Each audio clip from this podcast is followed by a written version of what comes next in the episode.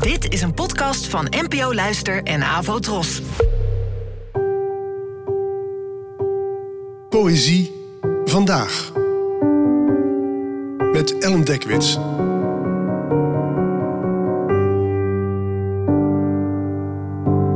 Hallo, fijn dat je luistert. Het gedicht van vandaag heet Harlem en werd geschreven door de Amerikaanse dichter Langston Hughes, geboren in 1901 en gestorven in 1967. Het werd vertaald door Anna Bergwijn. Harlem. Wat gebeurt er met een uitgestelde droom? Droogt die uit als een rozijn in de zon? Of ettert die als een ontsteking om vervolgens te verdwijnen? Stinkt die als bedorven vlees? Of vormt die korsten en versuikert die als stroperige vloeistof? Misschien verzakt hij gewoon als een zware last.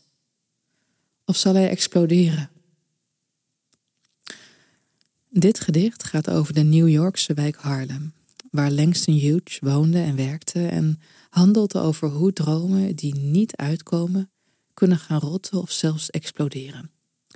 En hij schreef dit vers uit eigen ervaring. Voor een zwarte man als hij in Amerika hadden zijn dromen een veel minder grote kans van slagen dan die van bijvoorbeeld een witte man.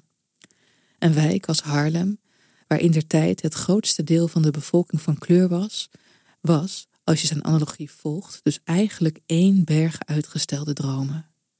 Die langzamerhand kunnen gaan rotten, verzakken of, zoals tegen het einde van dit vers wordt gesteld, misschien zelfs exploderen. En toen ik dit gedicht onlangs las, moest ik ook aan andere uitgestelde dromen denken. Aan dromen die worden bedreigd, waardoor mensen zich bijvoorbeeld genoodzaakt voelen om op tractoren op provinciehuizen in te rijden. Of aan dromen waardoor mensen zich vastplakken aan kunstwerken.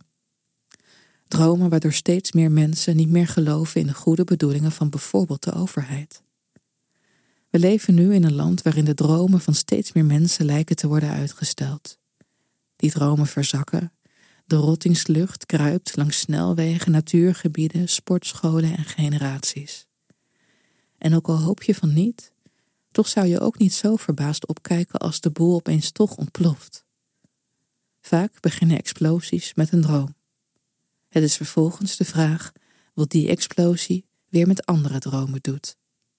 Bedankt voor het luisteren en tot de volgende keer. Afro Tros, de omroep voor ons.